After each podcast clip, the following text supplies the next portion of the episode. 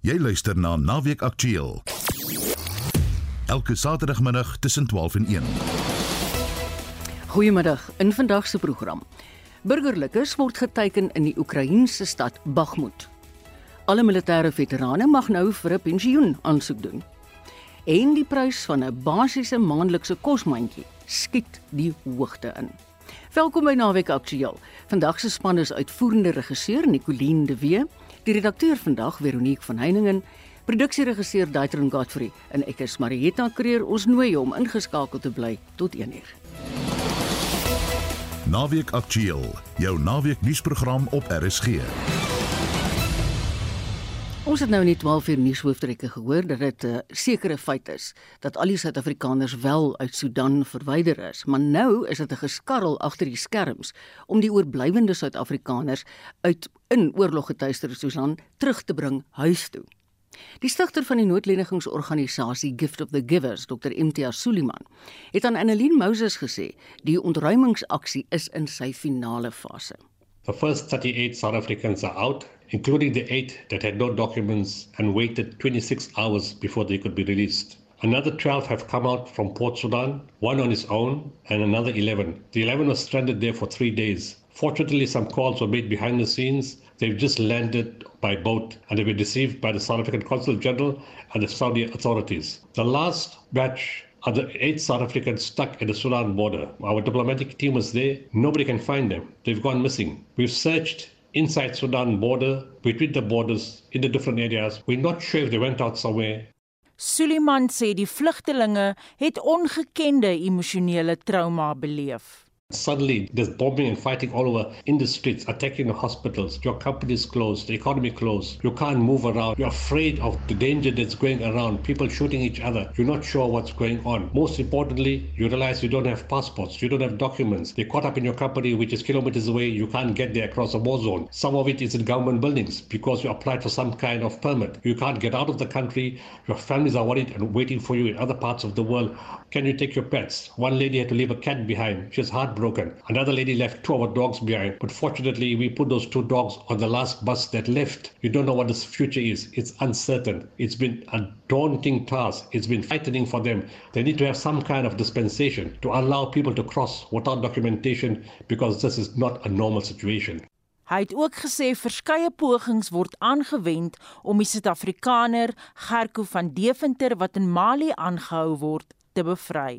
The chief intermediary that helped us get Stephen McGowan out has arrived from Saudi Arabia but hasn't come to Mali. He says it's too hot there, 44 degrees. He wants my negotiator to meet him in Morocco, and he says possibility of very, very good dialogue. The negotiator has also met key a person who's given him a lot of insight that Kharko is well. The chief intermediary said that within the first two days, all the videos, the letters, everything we sent was received They want to dialogue, they're keen to discuss, but we've made it clear that we want an unconditional release because there is no ransom. There were supposed to be more meetings between the groups and their leaders. We're hoping to get that feedback soon. So far, it looks positive. Dit was Dr. Imtiaz Suliman van Gift of the Givers. Ek is Annelien Moses vir SAK nuus. Ja, die twee groot fokuspunte op die oomblik in die nuus is nou maar Rusland en Oekraïne en dan natuurlik Sudan. Die militêre stryd duur voort nadat Rusland Oekraïne meer as 'n jaar gelede ingeval het.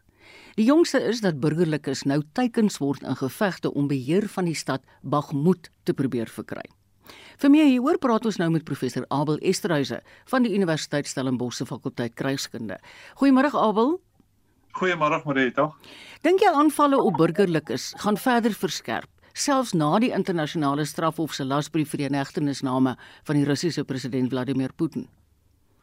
Ja, kyk, ons moet ook verstaan die strafhof se uh, uh opdrag en en se probleme is eintlik die Russiese verwydering uh van burgerlikes uit uh uit die Oekraïne uit uh, en veral kinder kinders wat ontvoer word en wat weggeneem word terug Rusland toe.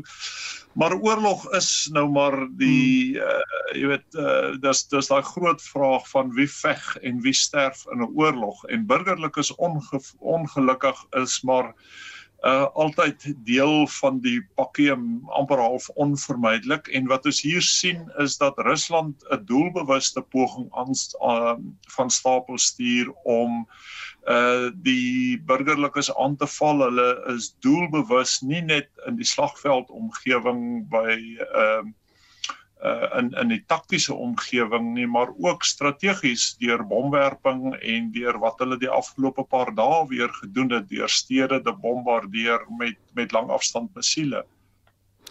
Is Rusland regtig in 'n posisie om Bakhmut oor te neem? En wat dink jy sal die gevolge wees, Abel?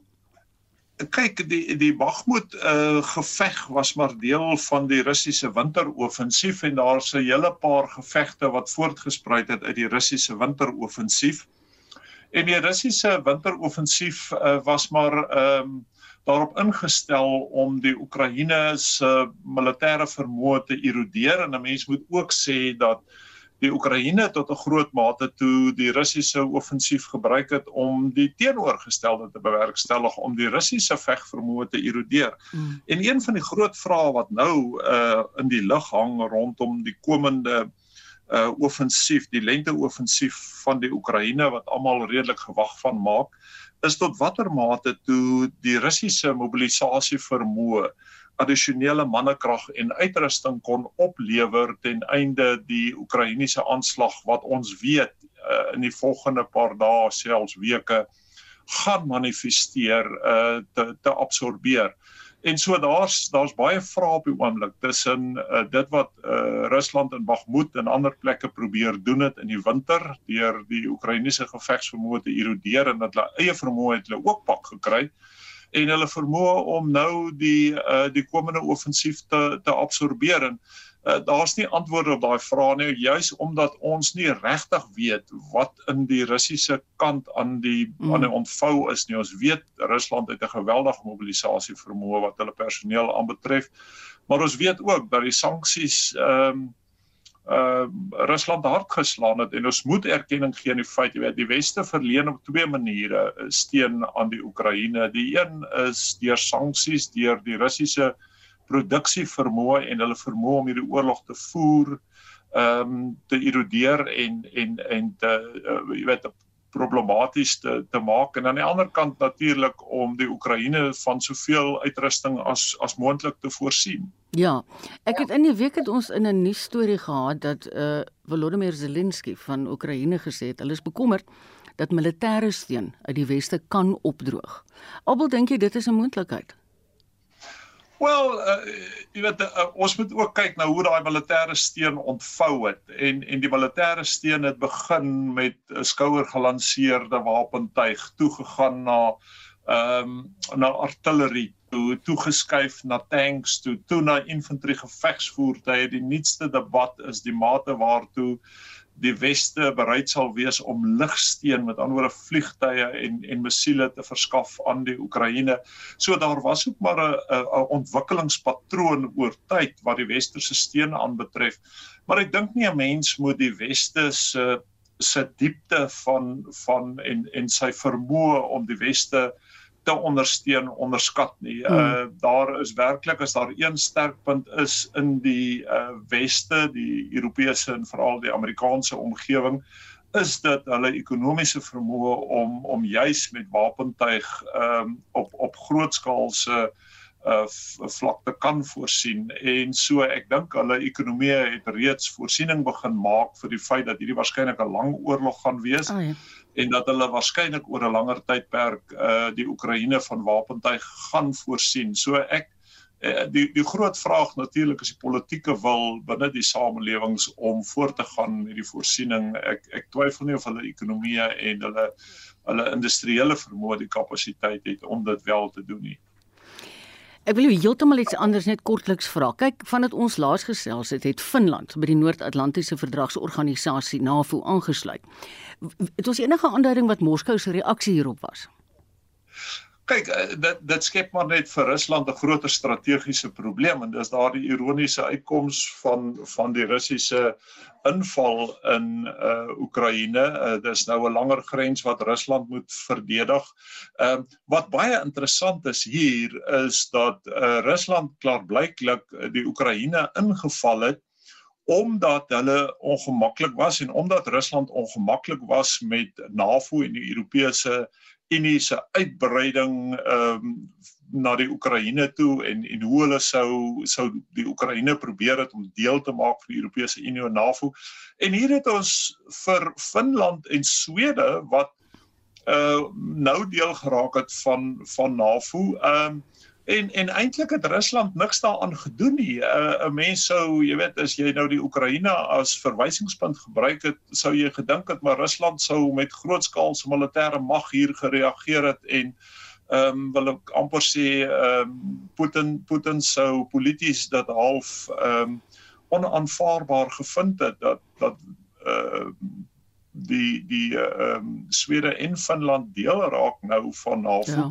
en tog het hy eintlik ehm um, nie regtig gereageer Goed. daarop nie maar mm. dat dit dat dit 'n substansiële probleem geraak het nou vir vir Rusland 'n strategiese probleem sonder twyfel 'n mens hoef dood eenvoudig te dink aan daai grens van 1380 km wat nou bygevoeg is tot uh, NAVO uh, se grens met met uh, Rusland uh, wat vir Rusland 'n substansiële probleem skep. Abel baie dankie vir jou deelname. Dit was professor Abel Esterhuise van die Universiteit Stellenbosch se fakulteit krygskunde. Dis 16 minute oor 12. Die minister van verdediging en militêre veterane, Tandi Modise, het die week deur middel van 'n publikasie in die Staatskoerant verklaar dat alle militêre veterane nou vir pensioen mag aansoek doen. Die DA sê hy verwelkom die stap nadat die party 'n vel stryd teen bestaande wetgewing gevoer het. Vir my hoor praat ons nou met die party se skademinister van verdediging Kobus Maree. Hallo Kobus. Goeiemôre Marete, goeiemôre aan jou luisteraars. Verduidelik net vir ons presies wat beteken die regulasies nou vir oud soldate wat nie lede van Umkhonto we Sizwe is nie. Marete, as jy net eers gaan kyk na die na die wet op militêre veterane, dan definieer die wet 'n uh, militêre veteraan as enige iemand wat in die ou statutêre magte uh, deel was van, in ander woorde die ou Suid-Afrikaanse weermag as ook uh um, die die weermagte van die van die TVC state. As ook die nie statutêre magte wat dan deel was van 'n konto en APLA en die ander sogenaamde vryheidsbewegings. Ehm um, so dis waar by voorsiening maak die die konsepregulasies wat in Desember uitgekom het waaroor ek natuurlik 'n teorie het hoekom dit so uitgekom het maar dit het voorsiening gemaak dat die definisie van vir daai die deel einders van die pensioen en die definisie van 'n militêre veteraan slegs die nie statutêre magte gewees het. Ons het natuurlik baie sterk kapie dat kan aangeteken. Ons het baie nou saamgewerk met georganiseerde militêre veteraan assosiasies wat namens hulle lede opgetree het en direk met individue en um, en en die reaksie was oorweldigend daarteen tot die mate dat hierdie nuwe konsepregulasies wat nou wat nou gepubliseer is en wat 21 dae staan vir mense as hulle wil kommentaar sou lewer daarop dat die nou gegaan het en in lyn gestel is met wat die militêre veterane wet bepaal en dit beteken almal wat geregistreer is op die database van die departement van militêre veterane as 'n militêre veteraan van beide die statutêre hmm. en nie statutêre magte nou ehm uh, um, geldig is en aansoek kan doen vir militêre veteraan pensioene. Natuurlik is daar sekere voorwaardes en en en en en kriteria verbonde, maar uh in beginsel is dit waarvoor ons beklei het om te sê eerstens dit moet 'n uh, eh, uh, vir almal ook wees wat op die database is en wat nie reeds 'n ander uh, uh, vorm van pensioen of of 'n toelaag van die staat kry nie as ook dat daar 'n sekere minimum bedrag moet wees wat minstens dieselfde moet wees as die sogenaamde minimumloon of 'n minimum leefbare loon is en in beide van daai het ons nou groot sukses behaal wat dit dan betref. Kyk, 'n mens kan aanvaar, jy kan vir my verskil asseblief dat die departement van verdediging en militêre veterane nou bietjie hulle sokkies gaan optrek dat hierdie so gou as moontlik geskied. Maar wat is die proses wat oud soldate moet volg om vir die pensioen in aanmerking te kom? En dit gee eers maar dit het nie onderskeid maak uh, daar's twee departemente soos die departement van verdediging wat nie betrokke is nie, maar die departement van militêre veterane wat uh, wat sy eie DG het veronderstel is om ja. te hê uh, wat nou geskort is so die departement is 'n bietjie in 'n warboel uh, want daar is nie 'n DG nie ook nie 'n uh, uh, uh, uh, hoof van finansies nie uh daar's 'n waarnemende posisies waar daar wel is. So hulle sal hulle sokkies nou moet optrek. Ons het gesien dat die bedrag wat vir die vorige finansiële jaar begroot was, wat om by iets in die vroeg in die 30 miljoen rand was, het het, het hulle nou verloor uh, want hulle kon nie die geld spandeer het nie. Hierdie jaar se se se pensioen is 'n begrote bedrag wat goedgekeur is is baie belangrik dat daar moet wel nou prosesse in plek gestel word. Die pensioen gaan blyk daar blyklik dan nou ook geadministreer word deur die agentskap wat verantwoordelik is vir staatspensioenbetalings elke maand. Ehm um, so ons weet daar is 'n administratiewe kapasiteit, daar is 'n stelselskapasiteit. So dit gaan nie deur die departement van militêre veterane self hanteer word nie. Uh, die begroting word net eenvoudig daarvoor voorsiening gemaak. So dis daar nie uh jy weet ehm um, by terug by die tekenbord en alles van van mm. niks af begin word nie.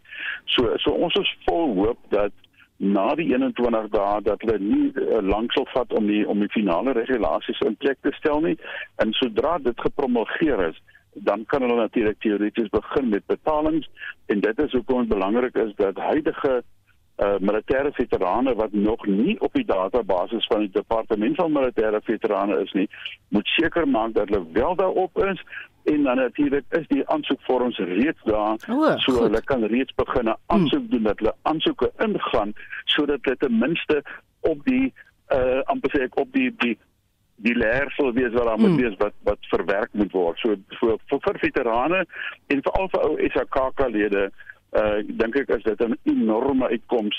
Ja, die die die aanduiding is dat dit gaan 2.5 maal die waarde wees van die huidige sogenaamde ou ou ou menspensioen albeits binne die uh, grants van van die SASSA betaal word.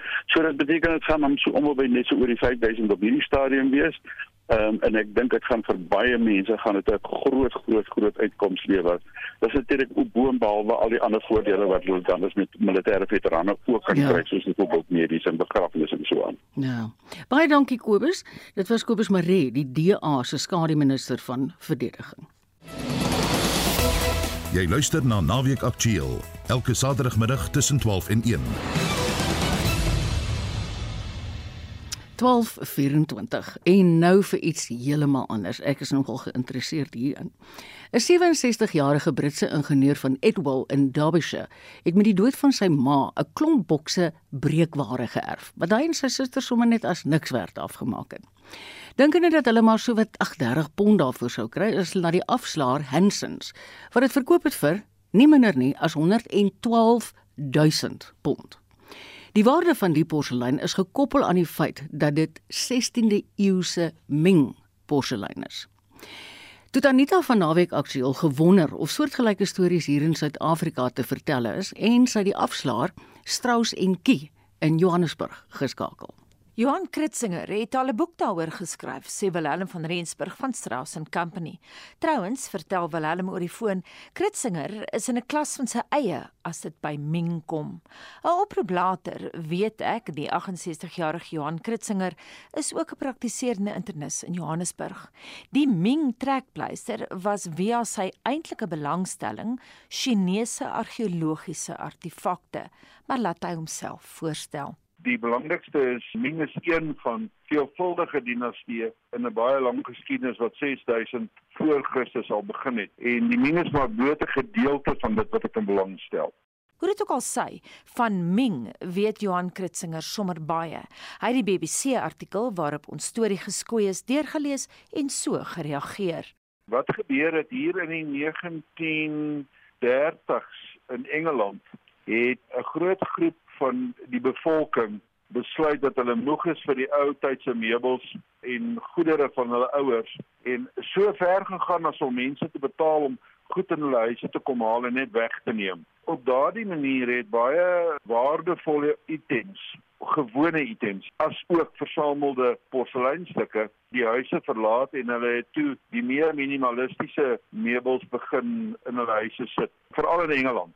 En die wêreld as sulks vind mense natuurlik heelwat gevalle waar 'n uh, bejaarde byvoorbeeld doodgaan en die kinders erf die huis of hulle gaan net na pa se woonstel toe en die paar goedjies wat oor is vat hulle en verdeel onder mekaar. Soms onder van hierdie verdelings is daar natuurlik waardevolle skatte. En sê vir my in Suid-Afrika, wat is die kanse dat wat nou gebeur het in Derbyshire hier by ons kan gebeur? Nee, daar's 'n kans. Dit is 'n redelike seldsame gebeurtenis.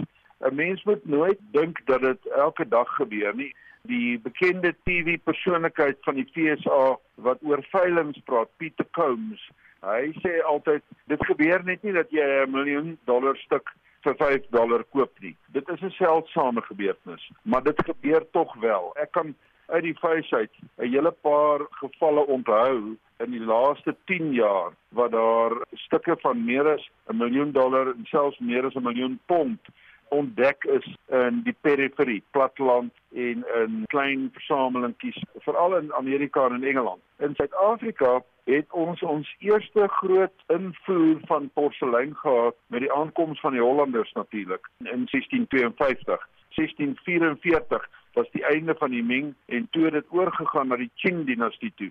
So in ons land sien ons Ming en Qing porselein wat verskyn met tye wat wel baie waardevol is.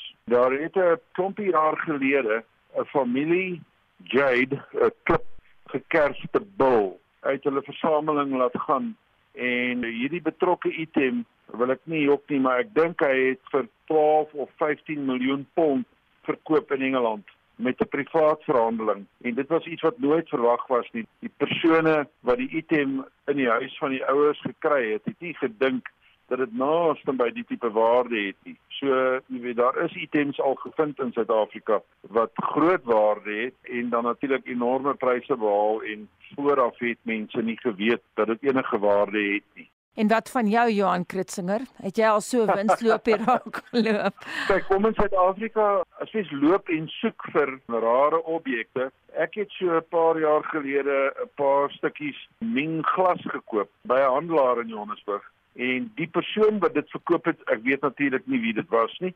Dis anoniem want dit kom deur 'n handelaar, maar die vyf stukkies mengglas het almal vandag 'n nulletjie by die waarde van wat ek betaal het vir hulle. Dit gebeur dat mense op skatte afkom as jy weet waarna jy kyk. Ek het ook 'n uh, baie mooi Japaneese Cloisonne enamel vase gesien by een van die Sondag verkope in Johannesburg wat so eenmal 'n maand gehou word maar ek versamel nie Japanees groot manier nie en ek het 'n vriend van my gebel en hom sê kom kyk en hy het die ding gekoop en hy het ook 'n nulletjie by sy objek later gesit toe hy dit weer verkoop het. Dit was 'n imperiale Cloisonne fase gewees. Mens loop items raak wat verklein waarde wat groot waarde kan behaal. Maar om onderhoud met Kritzinger te voer is soos 'n lekker gesprek wat sukkel om einde te kry. Na die amptelike onderhoud vertel hy verder, die keer oor 'n vriend van die ou geld rykmansbuurt Westcliff in Johannesburg wat na sy ma se dood vir Johan gevra het om te kyk of die huis enige skatte kon oplewer.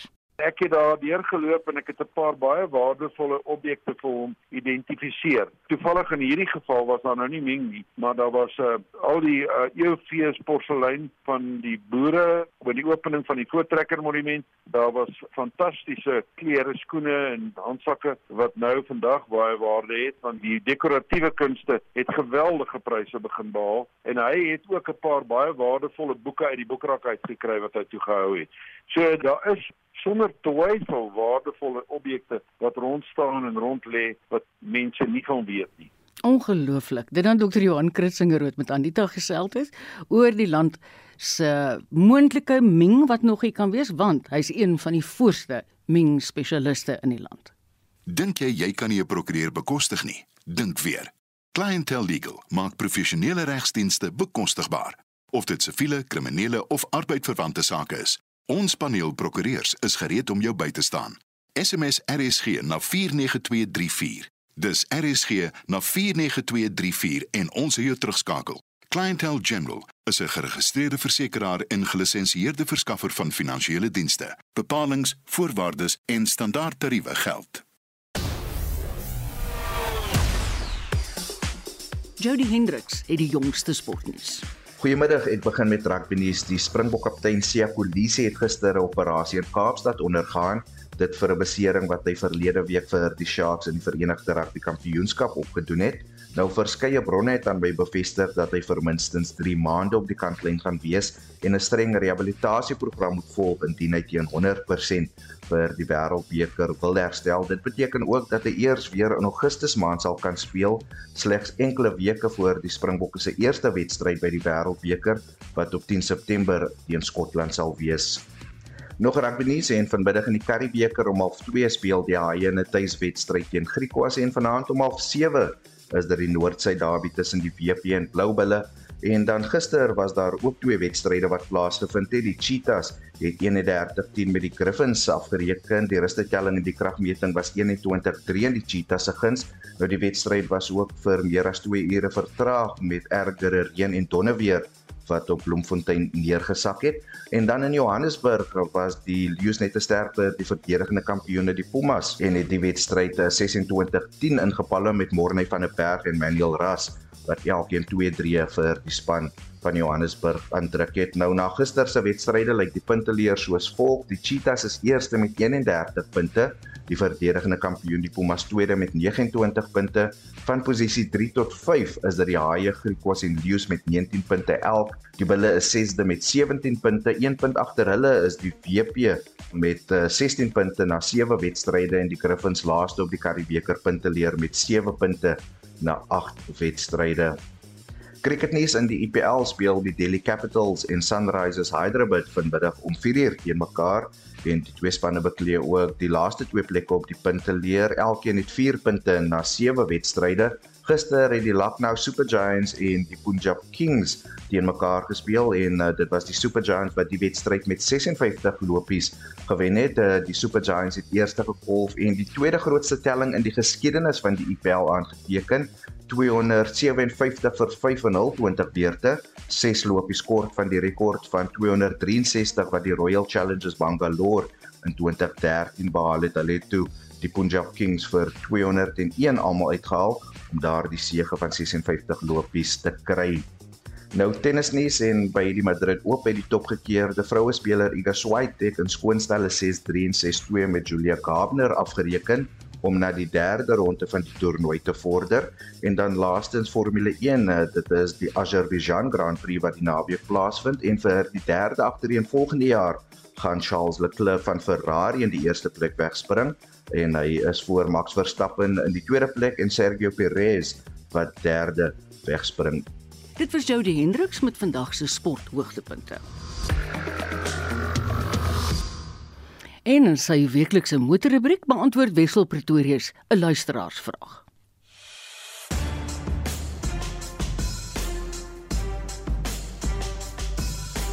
Ek het 'n brief van Petri Fortuin ontvang. Hy skryf dat sy 2013 Mazda 3 se waier in die kajuit ophou werk het. Hy skryf: "Ek het al die waier skakelaar en die waier resistor vervang, maar dit het nie gehelp nie. Die fuses bekeer ook niks. Kan dit moontlik die waier self wees wat dood is? Gee asseblief raad," skryf Petri.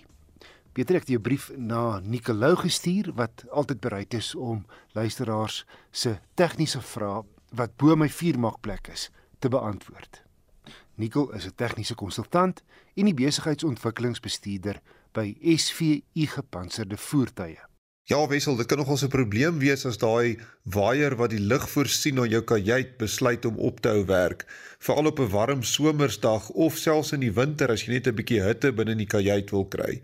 So, wat kan die probleem wees? Meneer Fortuin sê vir ons dat sy waier het opgehou werk en hy het nou al die skakelaar vervang en ook die resistor. Nou net vir die luisteraars daar buite, die resistor is gewoonlik daai komponent wat agter daai verstelling sit waar jy die snelheid van die waier kan beheer. Gewoonlik is daar nommers soos 1 tot 5 waar 1 miskien 'n stadige spoed sal wees en 5 sal volspoed wees. Nou gewoonlik weet mense as daai resistor opgepak het, as die verstellings wat dan uit die stadige waaierspoed tot gevolg het nie meer werk nie. Die laaste verstelling is gewoonlik wanneer die 12 volt direk op daai waaier se motor gekoppel word en dit dan volspoed waai. So wanneer die resistor gaan, gewoonlik is dit so sê nou maar 1 tot 4 wat nie sal werk nie, maar 5 gaan nog volspoed blaas.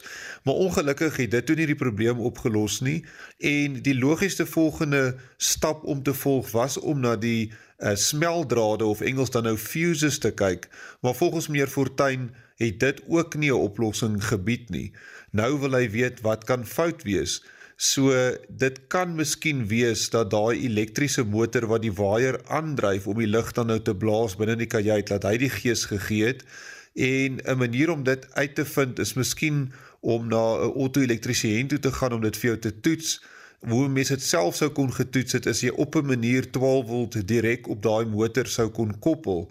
Maar dit is natuurlik nie so maklik nie. Natuurlik as daar 'n smeldraad is dan gee dit dan vir jou toegang tot daai stroombaan maar andersins sal ek seker van sal die auto-elektriesien presies weet om daai toets te kan doen om te bepaal of die windings van daai motor miskien uitgebrand is Kom ons hoop nie so nie want dit is miskien 'n bietjie van 'n moeilike situasie om daai waier uit die paneelbord uit te haal, maar dit sal maar die beste manier wees om die fout te soek. Nicolou, 'n tegniese konsultant en die besigheidsontwikkelingsbestuurder by SVU Gepantserde Voertuie. Nuus van SVU is dat hul ballistiese laboratorium verskeie motoronderdele met 'n AK47 skiet om die impak te bepaal met die hulp van die WNR se hoëspoedkamera. In die 6ste van 'n reeks op YouTube kom 'n elektriese venster se motormeganisme aan die beurt. Stuur gerus enige motornavrae na my. My e-posadres is wissel@rsg.co.za. Volgende week 'n patoets van Fiat se opgekikkerde 500X kruisvoertuig. Jy luister na Naweek Aktueel elke Saterdagmiddag tussen 12 en 1. 12:40. Ek hoef nie dit te sê nie want ek dink die luisteraars en die verbruikers weet dit almal, maar die prys van 'n basiese maandelikse kosmandjie neem onrusbarende afmetings aan, veral gegee die jongste data van die Pietermaritzburg Economic Justice and Dignity Group. Die gemiddelde prys van 'n mandjie vir April was 5000 R23.95. Dis 'n toename van R57.75 op 'n maand tot maand grondslag. Die data toon ook dat dieselfde mandjie verlede jaar meer as R480 minder gekos het. En ons praat nou met die programkoördineerder van die groep, Mervin Abrams. Goeiemôre Mervin. Uh, goeiemiddag Mariette en goeiemiddag na al die luisteraars. Is ek reg as ek sê Mervin hierdie syfer sluit nou nie huishoudelike skoonmaakmiddels en persoonlike higiëneprodukte in nie. Wat word gemiddeld maandeliks daaraan spandeer? Ja, so so as ek kyk byvoorbeeld uh, uh, na die kospryse wat jy nou net genoem het, hmm. is dit natuurlik uh, baie die stygings daarvan is is natuurlik baie en as ons kyk nou na die na die huishoud wat wat die mense nog gebruik vir vir higiëne en so aan dan praat ons van iets soos omtrent net meer as nog 800 rand. Ja. So so eintlik eintlik uh, as vir, vir wat huishoudings graag wil koop as hulle genoeg geld het, mm. Dan sal hulle moet iets soos omtrent amper R6000 hê om slegs kos te kan koop en dan die basiese higiëniese mm. middele wat hulle benodig soos byvoorbeeld 'n uh, uh, uh, uh, seep om te was mm. en 'n bietjie van 'n onderadem uh, uh, uh, uh, uh, uh, perfume en so aan. En en en as ons dan nou kyk Mariette na na na na die inkomste want dit is wat die uitgawe nee dit is wat, wat, ja. wat die pryse is dit is wat dit kos maar natuurlik moet ons ook kyk wat kom in die huis in in ter, terme van inkomste om te eintlik te sien hoe dit hoe, hoe die situasie staan en as ons kyk na byvoorbeeld die nasionale minimumlone en ons weet dat iets soos omtrent 50% van al Suid-Afrikaanse werkers uh, uh, se inkomste is om en by die nasionale minimumlone dan praat ons iets omtrent net meer as 4000 rand per maand. Ai. En en en en en met 4000 rand per maand en dan as ons kyk net na die na die voedselmandjie dit is meer as 5000 en natuurlik die huishoudelike middels uh, iets is net net bietjie meer as 800. So so die situasie is is is, is eintlik baie sleg mm. vir meeste meeste werkersklas uh, huishouding en natuurlik die arme huishouding wat nou wat nou uh, staan maak op op op op sosiale toelaag vir hulle is die situasie natuurlik veel erger. Mervin as ons vir 'n oomblik net kyk na kom ons sê lae inkomste huishoudings. Wat is die tipiese items volgens julle navorsing waarin hulle bespaar as dit by kruideniersware kom? So so so wat ons wat die vrouens vir ons vertel Marieta is natuurlik dat hulle dat hulle daar is basiese koste wat hulle moet koop elke maand al wat die prys ook. Ja, ja. En en en dit is byvoorbeeld wat bestaan uit so so so mieliemeel en rys en en en en en en en, en cakeflour en so ja. suiker en en, Oelie. en kookolie en so aan mm. aartappels en eie. En en en en so daardie daardie kern wat ons noem die kernvoedsel. Uh, uh, uh, wat mense koop. Dat dit staan nou op uh, 2745 rand. Jo. So as die as die huishouding miskien nou so iets as 4000 rand kry, dan sal hulle nou daardie kernkosse koop eerste. Maar dan moet ons ook kyk natuurlik na elektrisiteit O oh ja, dis waar. tariewe. Want want kyk in Suid-Afrika ons on, ons kosse al ons basiese voedselkosse moet gekook word, né? Mm. Sommige mense sal nou mieliemeel eet elke dag, dit moet gekook word. Anders sal miskien nou soos 'n stew eet en dan rys en aardappels en eiers, dit moet gekook word. So Ja. as ons kyk natuurlik na elektrisiteit tariewe en natuurlik ons ons ons skaar onsself in vir vir 'n omtrent uh, iets soos 'n 17-18% stygings in in Julie, dan is die situasie veel erger. En as ons kyk byvoorbeeld na die Pietermaritzburg se uh se indeks, dan sien ons vervoer en elektrisiteit vat al klaar iets soos 58% Eeuw. van 'n nasionale minimumlone. So dan dan bly die die huishoudings oor met iets soos uh uh iets soos 1400 rand. En van daar moet hulle dan natuurlik nog kos koop. En en as ons kyk ons kernkosse alleen is 2745. So wat meeste huishoudings doen, laer inkomste huishoudings, is hulle hulle hulle eet nie so so soos hulle voorheen geëet het nie. Byvoorbeeld hulle het minder maaltye nou. Uh, en natuurlik gaan hulle nou ook in vir goedkoper kos. En natuurlik dit het sy eie probleem want goedkoper kos is is is, is kos wat natuurlik dieselfde nutrition het nie. Ja. En en natuurlik in die toekoms kan ons verwag dat die dat iets soos die non-communicable diseases soos diabetes en high blood pressure en so aan Mm. dat dit sal styg in die toekoms as 'n gevolg van wat nou gebeur met kospryse. Mervin, jy weet, ek dink meeste van ons luisteraars is bewus daarvan dat dit baie baie swaarder gaan met almal. Maar jy het nou net nou na die mense met die staatstoelaas verwys. Hoe naby aan die broodlyn leef daai mense? So so Mariette, hulle leef vir jare al onder die broodlyn. Kyk as ons sien byvoorbeeld dat die die food poverty line op die broodlyn soos ons sê, uh, uh, volgens die nasionale treasury staan nou op 663 rand. Nee, dit is wat ons be- benodig vir 'n persoon om genoeg kos kan koop vir daardie maand. Mm. En as ons nou kyk byvoorbeeld na die na die old age pension.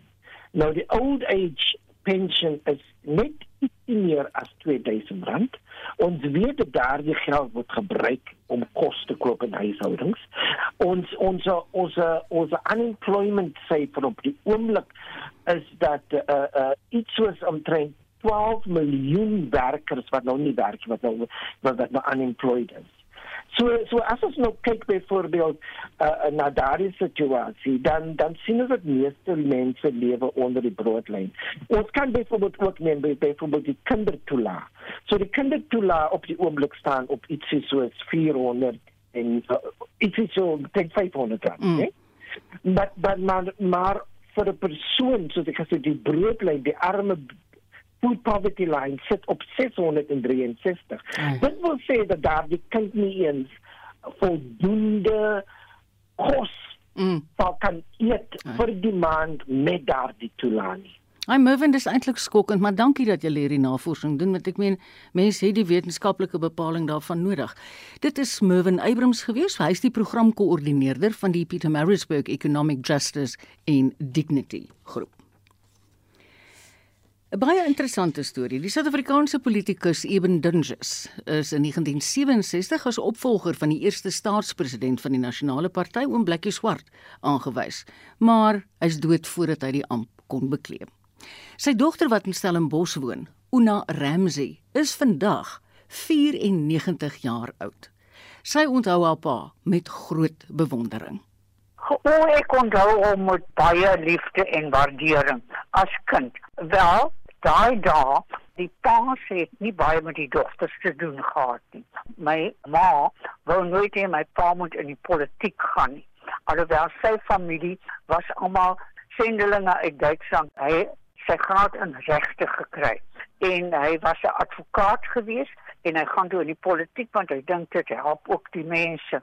Hy is baie weg vir sy werk en toe word hy parlement se daai dae het die parlementslede kiesafdelings gehad en sy kiesafdeling was in Forest Smith. Dan eenmal 'n jaar gaan jy na jou kiesafdeling toe. My ma wou nie saam met hom gaan nie want sy hou glad nie van die hele besigheid van politiek nie. Toe besluit hy ek kan saam met hom gaan dit was 2 jaar en ek was 14 en 15 jaar oud. En nou dink ek ek is vreeslik grand en ek gaan saam met hom. En ek wil vreeslik graag drama studeer. En ek het allerlei dinge met drama gedoen op skool toe sy stem bietjie moeilik raak.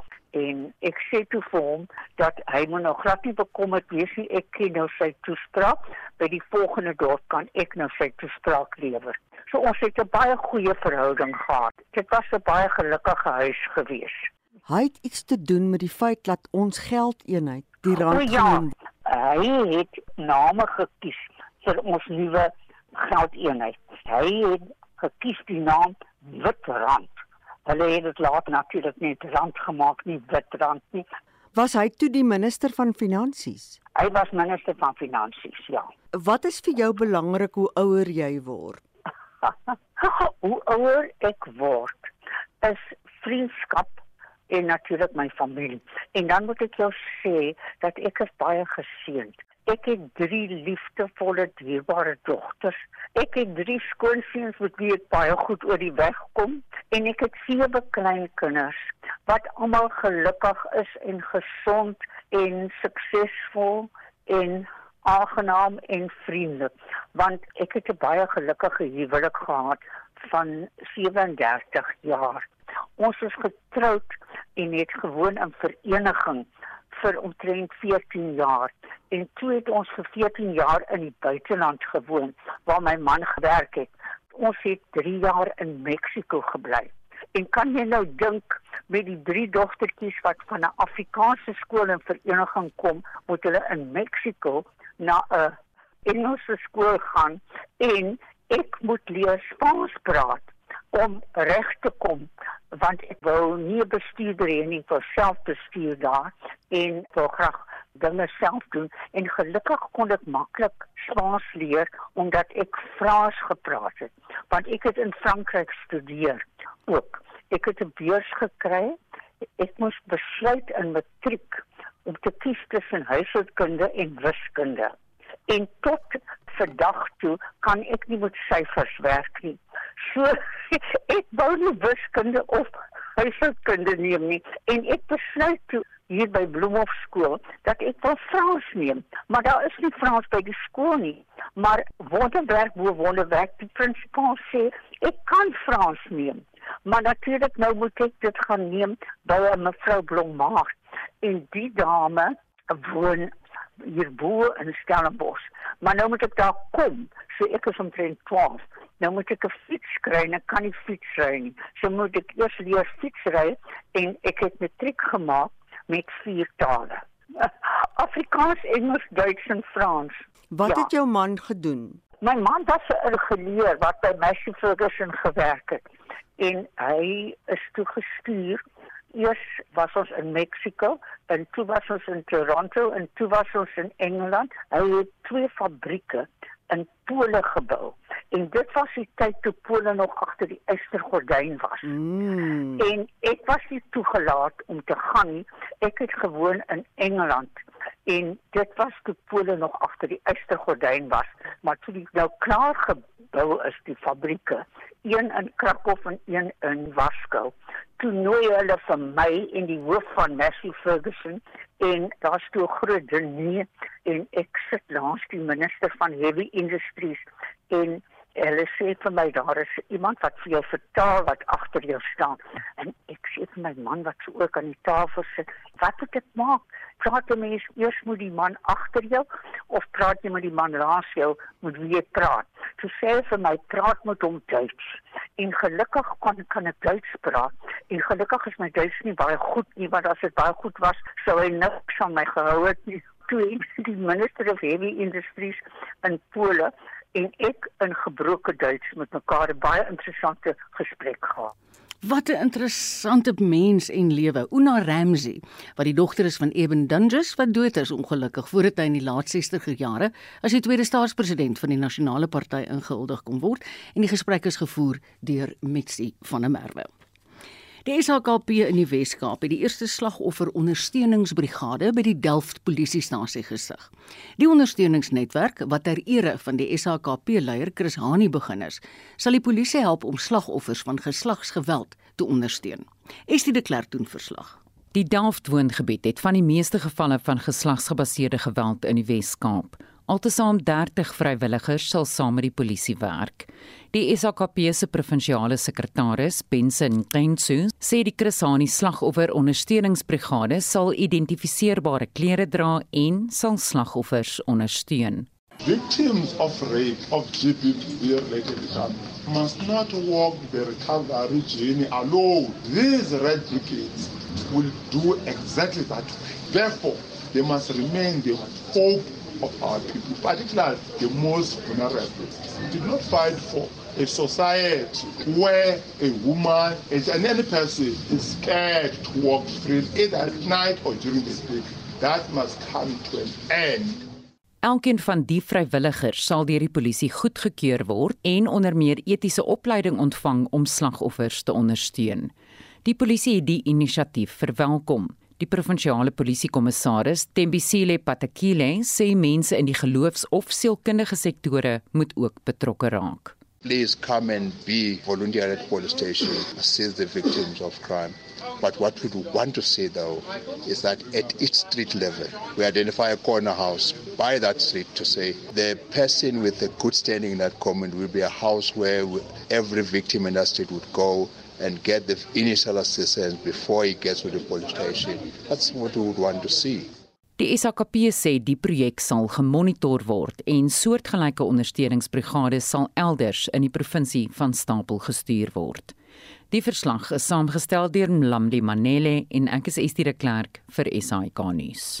Julle sou vroeër vanoggend in Derrick se program ook gehoor het, maar bekende Amerikaners waaronder president Joe Biden en sy vrou Jill, asook oupa Winfrey, het die week hulde gebring aan die legendariese Amerikaanse sanger en akteur Harry Belafonte. Hy is Dinsdag in die ouderdom van 96 oorlede. Belafonte was een van die suksesvolste Afro-Amerikaanse popsterre in die geskiedenis. Kom ons luister na een van sy groot treffers, Jamaica Farewell. I took a trip on a sailing ship and when I reached Jamaica I made a stop but I Ons almal in die ateljee sing saam, ek is seker julle by die huis ook. Harry Belafonte, Jamaica Farewell. Ek groet namens die hele redaksie. Die Colleen de Wee, Veronique van Heiningen, Daitrin Godfrey, ek is Marietta Kreer, maar bly gerus ingeskakel. Elsie sit gereed met die 1 uur nuus. Geniet die hele naweek saam met RSG.